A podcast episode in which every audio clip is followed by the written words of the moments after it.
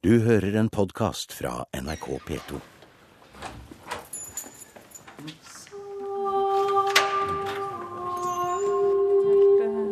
Her ligger madonnaer og helgener og tre, treutskjæringer. Kirkeskip. Ja. Vi er på vei til 1100-tallets juleevangelium i kirkesamlingen ved NTNU Vitenskapsmuseet i Trondheim. Vi stanser foran et fargerikt alterskap, opprinnelig fra Vardø kirke på 1400-tallet. Det som du ser, så, så er det ganske skinnende farger på det, for det er faktisk helt uh, nyrestaurert.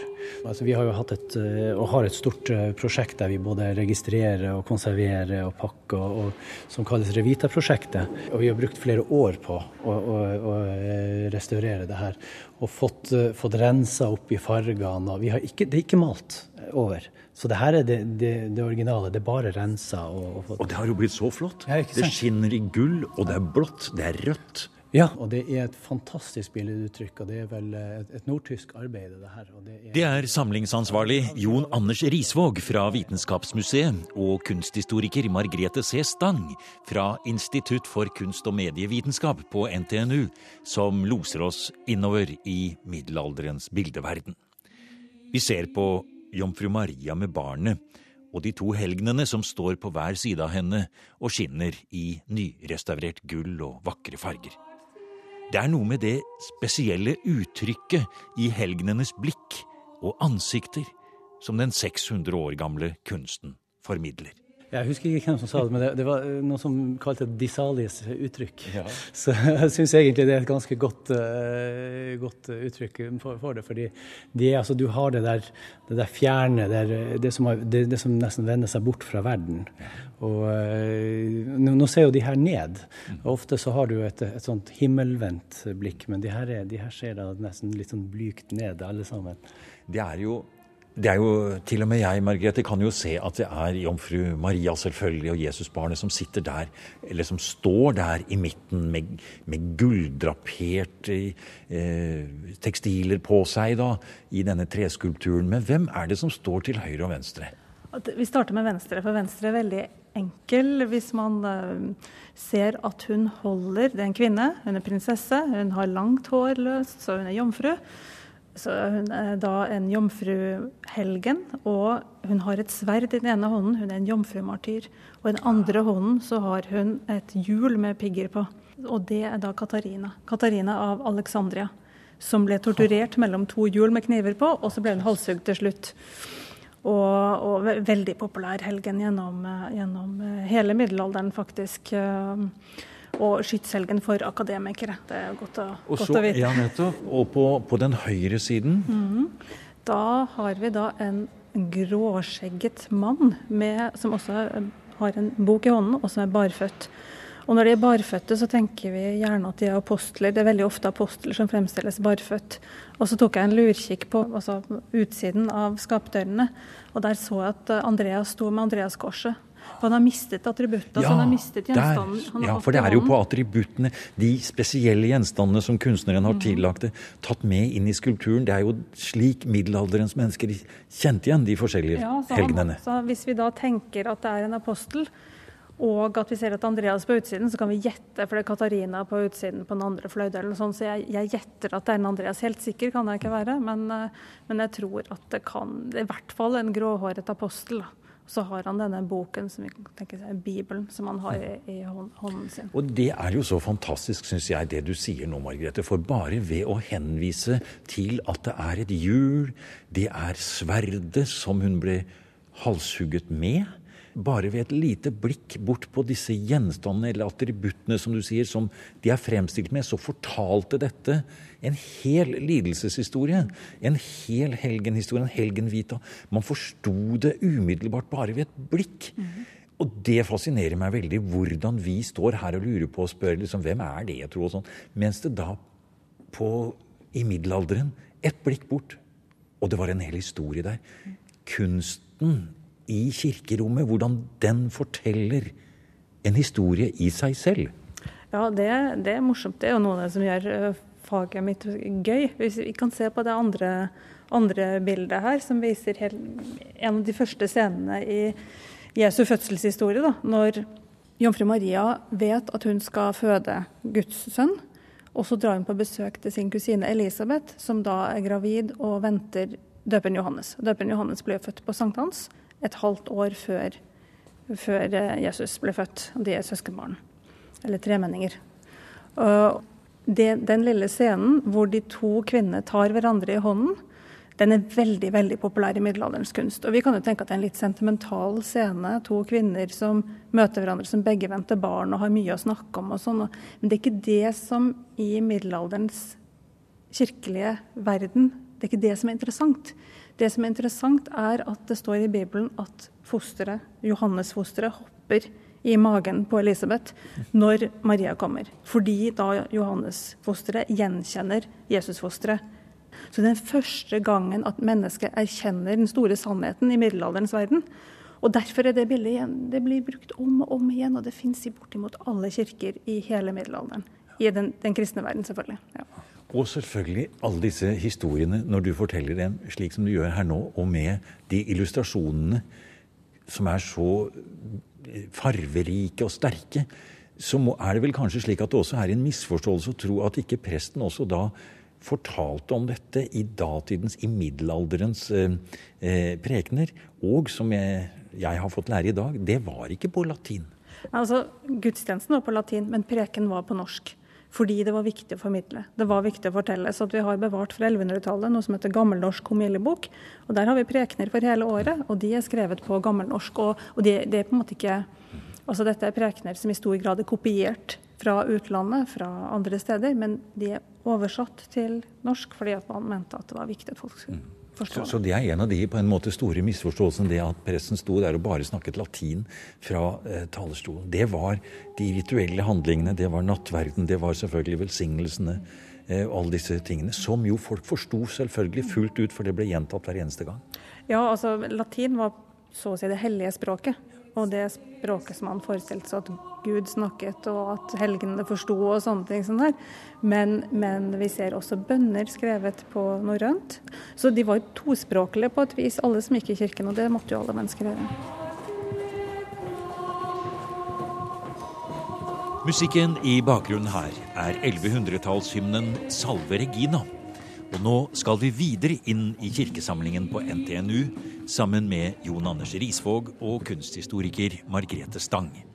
Vi skal inn i en avstengt del av samlingen. Et slags åpent magasin, hvor vi skal se på en veldig sjelden ting fra middelalderkunsten, nemlig et brodert teppe. Og Da er det jo litt synd, synd at, det, det bare, at, det, er bortgjemt. Sånn som det er i dag, så har vi jo det dessverre inne i, eh, lukka inn i et magasin. Og det har jo vært uh, utstilt uh, åpent frem til i november i fjor. Men så har vi rett og slett måttet bygge igjen fordi vi har hatt for lite plass til, til, våre gjenstander. Så vi har måttet ta rommet til, til magasin. Og da kunne vi ikke flytte på det, det praktfulle teppet, så det, så det, ble dessverre bygd inne. Mm. Men det skal frem igjen til publikum? Det skal frem igjen, vi vet bare ikke når. det her eh, er det viktigste bevarte middelalderbroderiet vi har i Norge. Det er sannsynligvis laget i Norge. Kanskje fra rundt 1200. Kanskje laget i Trondheim, men det vet vi ikke. Og det vi ser, det er faktisk da en lang remse med et par meter lang, kan jeg tippe, og så er den sånn 40 cm omtrent høy. Mm. Så det vi da tenker oss, det er at et fantastisk flott og farverikt broderi som vi straks skal gå inn i bildeverdenen til, den har utsmykket en kirke. Ja. Uh, Høylandet kirke, som ligger langt, langt nord i Nord-Trøndelag. Nesten opp til Nordland. Ganske lite sted. Eh, da man skulle rive gamle kirken på 1860-tallet, så ble denne her eh, fragmentet av dette tekstilet da, funnet på loftet. Så sannsynligvis så har det utsmykket veggene på kirken. Så har man hatt eh, tjukt ullstoff, vadmel, nederst. Og så har dette her 40-50 cm høye borden løpt rundt og smykket på en måte overkanten av denne, denne kjellingen, da, som det heter. Så det her kan ha vært en lang, lang, fantastisk flott tegneserie på en måte. Mhm. Altså figurer, tydelige, store figurer, som, som da faktisk da har gått langs et parti i kirken. Slik at de som satt i kirken, kunne eh, rett og slett se på den fortellingen som, som broderiet inneholder. Ja, og, så, og det er en ting vi ikke vet, det er om dette her hang det oppe hele året. Eller var det bare til jul? For det her er jo en juletematikk. kommer vi snart inn på. Um, vi vet at tekst, altså, bilder ble dekket til i fasten, for da skulle også øynene faste. Uh, men, men uh, man kan tenke seg at det her var et spesielt fint tekstil som ble tatt frem til spesielle anledninger. Eller det kunne vært oppe hele året. Sånn, sånn som vi foreløpig i hvert fall ikke vet. Ja. Og vi må huske at sånn sted som Høylandet, selv om kanskje ikke så veldig mange har hørt om Høyland i dag, så kan det godt ha bodd en, en mektig herre der. ikke sant? Det kan ha vært uh, virkelig uh, folk med mye ressurser som bodde også på små steder. Sånn som vi har sett i kirkesamlingen nå, så er jo mange små steder i Nord-Trøndelag bl.a. Som, som verdifulle ting kommer fra. Men, men, ja, de brukte mye av ressursene sine på tekstil. De brukte og, og, og de la vekt på at de skal ha flotte tekstilutsmykninger. Dette her er veldig høy kvalitet. Det er nydelig komposisjon. Det er flott brodert.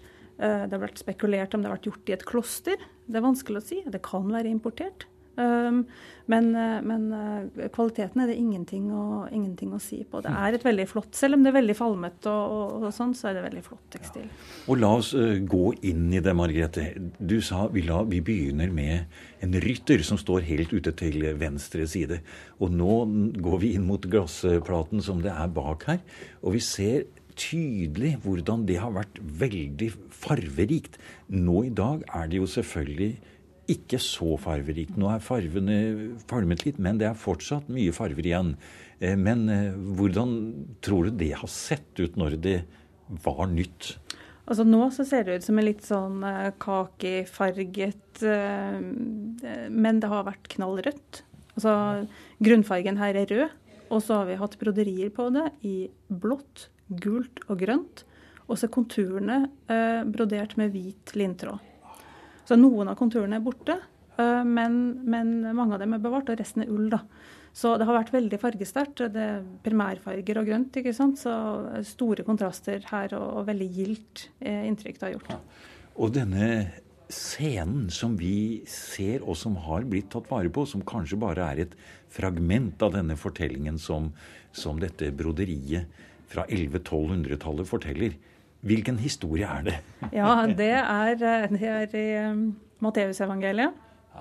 Juleevangeliet etter Matteus. Uh, og det viser da uh, ikke den scenen som handler om julaften, uh, men den scenen som handler om 6. januar. Altså de hellige tre menn, de tre vise menn, mm -hmm. som um, ledes av stjernen, som vi ser der i midten. Å, oh, det er stjernen her også? Ja, for foran rytteren så går det jo mennesker, og så er det en stjerne ja. der, ja. Der ser vi de, de, som går foran, det er da tre vise menn. De, her er de fremstilt som, som konger, eller i hvert fall har nummer én fra venstre og ja. nummer to fra venstre. De har kroner på.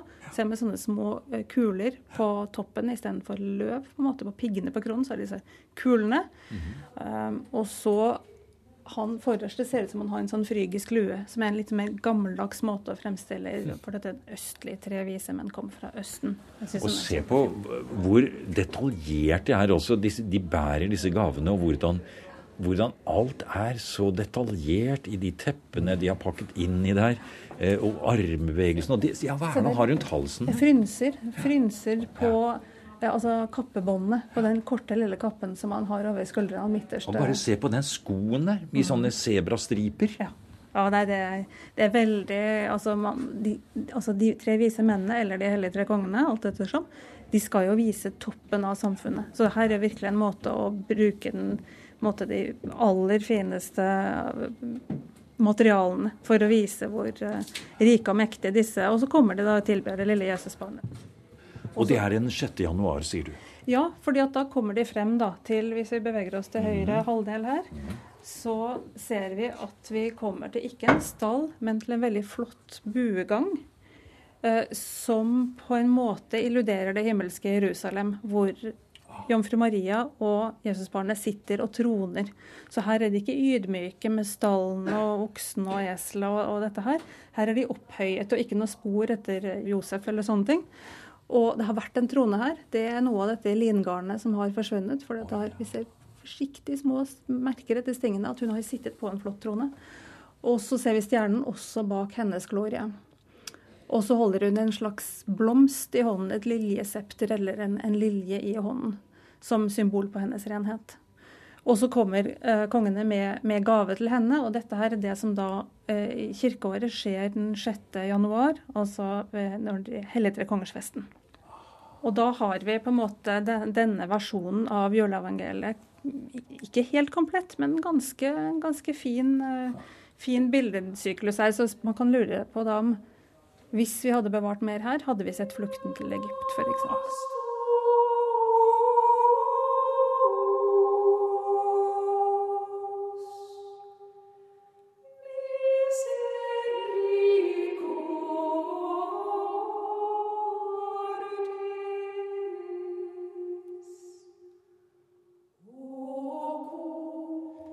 Når vi står og ser på det bevarte middelalderbroderiet fra Høylandet kirke i Nord-Trøndelag, får vi bare et svakt inntrykk av hvordan kirkerommet i middelalderen kunne ha sett ut. F.eks. til julemesse, når det mange meter lange og fargesterke broderiet med juleevangeliet kom til sin rett. Vi må bare bruke fantasien, sier Margrethe Stang. Men det er én ting som er sikkert, at på en juledagsmesse så ville det ikke vært spart på noen ting. Da ville absolutt alt som man hadde av prakt, være tatt frem. Alt vil være nypusset. Alt vil være velduftende. Det ville være det, måte, Man tok frem det fineste man hadde, og man pyntet kirkerommet til eh, Og sannsynligvis vi moderne mennesker vi liker jo gjerne litt sånn rene og enkle rom, så vi ville kanskje synes det var litt for mye av det gode. Akkurat sånn som de originale fargene her ville vi kanskje synes har vært litt i overkant sterke. Men uh, det er jo det som er med fortiden, at den er faktisk den er annerledes enn vår tid. Det er jo noe av det som gjør det interessant. da. Andre ting i dette kirkerommet, sto, sto menigheten eller satt de? Det er, det er, et godt spørsmål og vanskelig å si. Vi vet at uh, allerede de mest primitive stavkirkene og uh, altså, sånne stuker eller kapeller i f.eks. domkirken i Trondheim har jo benker langs veggene til å sitte på. Og så har man pleid å si at ja, det var for gamle og syke og gravide og sånn. Men det vet vi jo ikke. Det kan jo være de rikeste i samfunnet som satt der.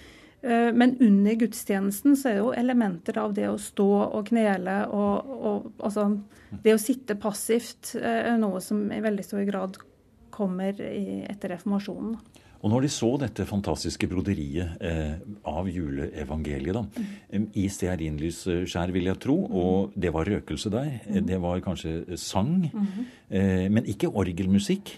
Nei, ikke ennå. Orgelmusikken kom, kom litt senere. så der er nok... Og det var, og det var mer enn én prest. Det var prosesjon, det, det var røkelse. Mm. Eh, og flotte drakter kanskje på prestene da? Absolutt. Ja. Altså, det er jo viktig. Det er jo en, en, bit av det med kirketekstiler som vi ikke har snakket om.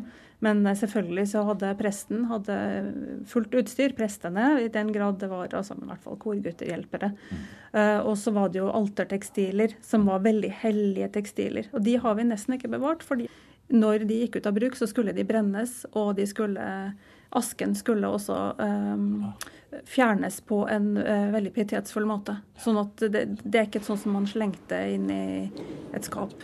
Men etter reformasjonen ble jo mye av kunsten i kirkerommet slengt i et skap, som Margrethe Stang sier, eller kanskje stuet vekk og ødelagt på enda mer brutale måter.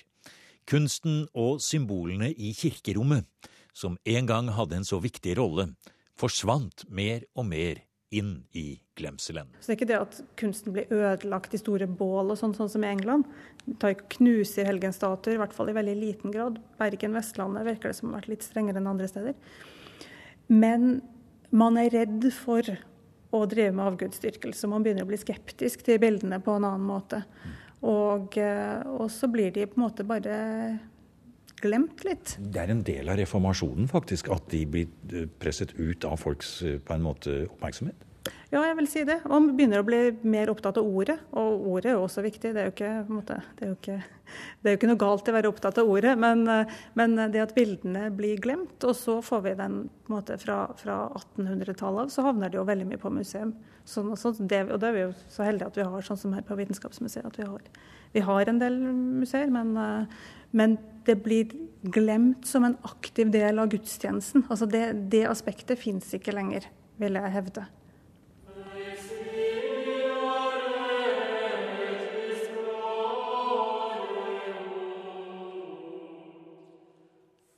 Baldisolteppet fra Ringsaker, Overhogdalsteppet i Jämtland og tekstilene i Osebergfunnet, pluss altså Høylandsbroderiet, er det eneste vi har bevart av slike tekstiler fra norsk vikingtid og tidlig middelalder. Men vi kan jo ikke være inne i middelalderens kirkekunst, i hvert fall ikke i Trøndelag, uten at vi må snakke om Petter Northug og Mosvik. Vel, i hvert fall Mosvik og denne bygdas aller største helt gjennom alle tider. Og så vidt vi vet, gikk ikke den personen vi skal fram til, på ski i det hele tatt. Da går vi, nå, nå går vi og leter etter Mosvika. Å, her! Har du sett? Ja. Og, det, og, når vi sier at vi skal til Mosvika, og det er en stor helt som står der og beseirer noe og vinner og seier, så er det altså ikke Petter Northug vi snakker om? Nei, det her er uh, altså, tøffere enn Petter Northug, og penere også, vil jeg hevde. Han, uh, det her er Sankt Mikael erkengelen. Det er han som styrter dyret ut i avgrunnen eh, ved dommens dag. Så han er jo den, den virkelig store helten i middelaldersamfunnet, fordi han er den man venner seg til i sin ytterste nød. Fordi han står der med skålvekten på dommens dag, og det er han som kan bestemme om du skal til himmelen eller til helvete. Han er en vanvittig mektig helgen i middelaldersamfunnet, og så er han da her fremstilt i en av de nydeligste skulpturene som er bevart, og jeg vil hevde i, i Nord-Europa, i middelalderen. Det er en, en 1200-tallsskulptur. Den er uhyre elegant. Og stor? Ja, den er kjempestor. Uh, og så har den bevart en god del av bemalingen sin, ikke alt. Nei, og det er et rødt hva si, Er det lendeklede det heter? Ja, det er en, en sånn kjortel. kjortel ja. ja. Altså, du ser det jo, det er jo lilje, oh, ja, de franske liljene. Ja. Og det er jo ekte gull her. Er, det er jo ikke så ofte at man bruker ekte gull på drakt. Ofte så er det imitasjonsgull. Men her er det stensilert på, vel. Eh. Og, og, et skjold, ser vi. Og den, ene, den, den, høyre armen er revet av. Der har han kanskje hatt en, en, en lanse eller noe sånt? Ja, en lanse som han eh, da stapper nedi kjeften på det fæle Altså, Tohodet uhyre. Ja, Det er også en av de flotteste dragene som er bevart fra norsk middelalder. Og det sier ikke lite, for vi har mange bra drager. Men denne her er jo tohodet. Den har en, altså Halen altså. slutter også å gi et hode, og så har den sånne flotte sånne ører, spisse ja. ører som er lagt bakover og som en sin hund. Fargen er bevart. Altså, den har vært blå, hvit og rødt inn i munnen. Og tunga, der ser du ørene. Og ja. sånne tagger oppå ryggen, sånn som ja. dinosaurene har. Ja, den har en sånn veldig kraftig sånn uh, ryggvirvel Hva skal vi si? Kam. Den har rett og slett en kam på ryggen. Eh, og så har den jo, Det er en annen ting som manglet som er veldig viktig, og englene. For altså Mikael er erkeengelen. Altså, sånn, vingene er eh, forsvunnet. Mm. Og så har den sannsynligvis hatt et, et bånd, et sølv- eller gullbånd, tekstilbånd, rundt pannen. Oh. Sånn, altså for den fine pasjefrisyren har blitt holdt på plass av dette veldig sånn klassiske eh, båndet. Da, som har vært du reiser på en måte denne flotte treskulpturen opp for oss i en veldig flott bilde du gir oss nå. Eh, og når den var så viktig, den sto i kirken, som du sier, Margrethe, så var det fordi at da visste alle i middelaldermenigheten at der står den helgenen som bestemmer hvem som skal eh, eh, til himmel, og hvem som skal til helvete. Mm -hmm. Ja. Han hadde jo sin store fest på Mikkelsmess på høsten. Eh, men eh, Sankt Mikael var på en måte viktig hver dag, og ikke minst i den, din siste time, eller når du trodde at din siste time var kommet. Så han eh, veldig populær helgen. Vi har av alle helgenskulpturer vi har bevart fra norsk middelalder. Så selvfølgelig, Jomfru Maria kommer jo i særstilling, aller mest bevart. Og så kommer Sankt Olav. Etter Sankt Olav så er det Sankt Mikael. Så han eh, er en, en, helgen som vi kanskje burde huske mer på når vi ser for oss middelaldersamfunnet. Uh, han dukker også opp i, i Draumkvedet med Sankte Sålemikkel, er ikke det han heter der. Så han har vært en uhyre viktig person i den måte, folkelige bevissthet og den kirkelige bevissthet. Altså, uh, og, men denne, denne, skulpturen her, noe av det som, altså den er jo litt sånn superstjerna til Vitenskapsmuseet NTNU. og, og det som er morsomt, er at internasjonale forskere, altså ikke minst de engelske, da, de elsker Michael fra Mosvik fordi at de, de, lurer på om han kan ha vært laget i England. Vi har jo hatt den på utlån i utlandet også, det jo, så det, de har, den, den, er ettertrakta, bokstavelig talt. ja, den, var jo, den prydet jo sånne store plakater på Tuben i London og sånn på 80-tallet, når det var sånn Apropos store utstillinger, så var jo det den virkelig Det var Poster Boy, den der. Se bare se på den lange halsen. Ja. Se hvor utrolig elegant han er. Han er helt uh, og Lenge etter at Petter Northug har parkert langrennsskiene sine, så kommer Mikael fra Mosvik til å være en han kommer til å følge oss uh, også langt inn i fremtiden. Jeg tror ingen forskere føler at de er ferdige med Mikael fra Mosvik med det første, i hvert fall for min egen del. Vet at han der er en, en, sånn skikkelig eh, gromgutt, som hvis om han er det, som, eh, som, jeg kommer til å fundere mye på. altså. Du har nå hørt en podkast av programmet Museum fra NRK P2. Send gjerne en e-post til museum krøllalfa nrk.no.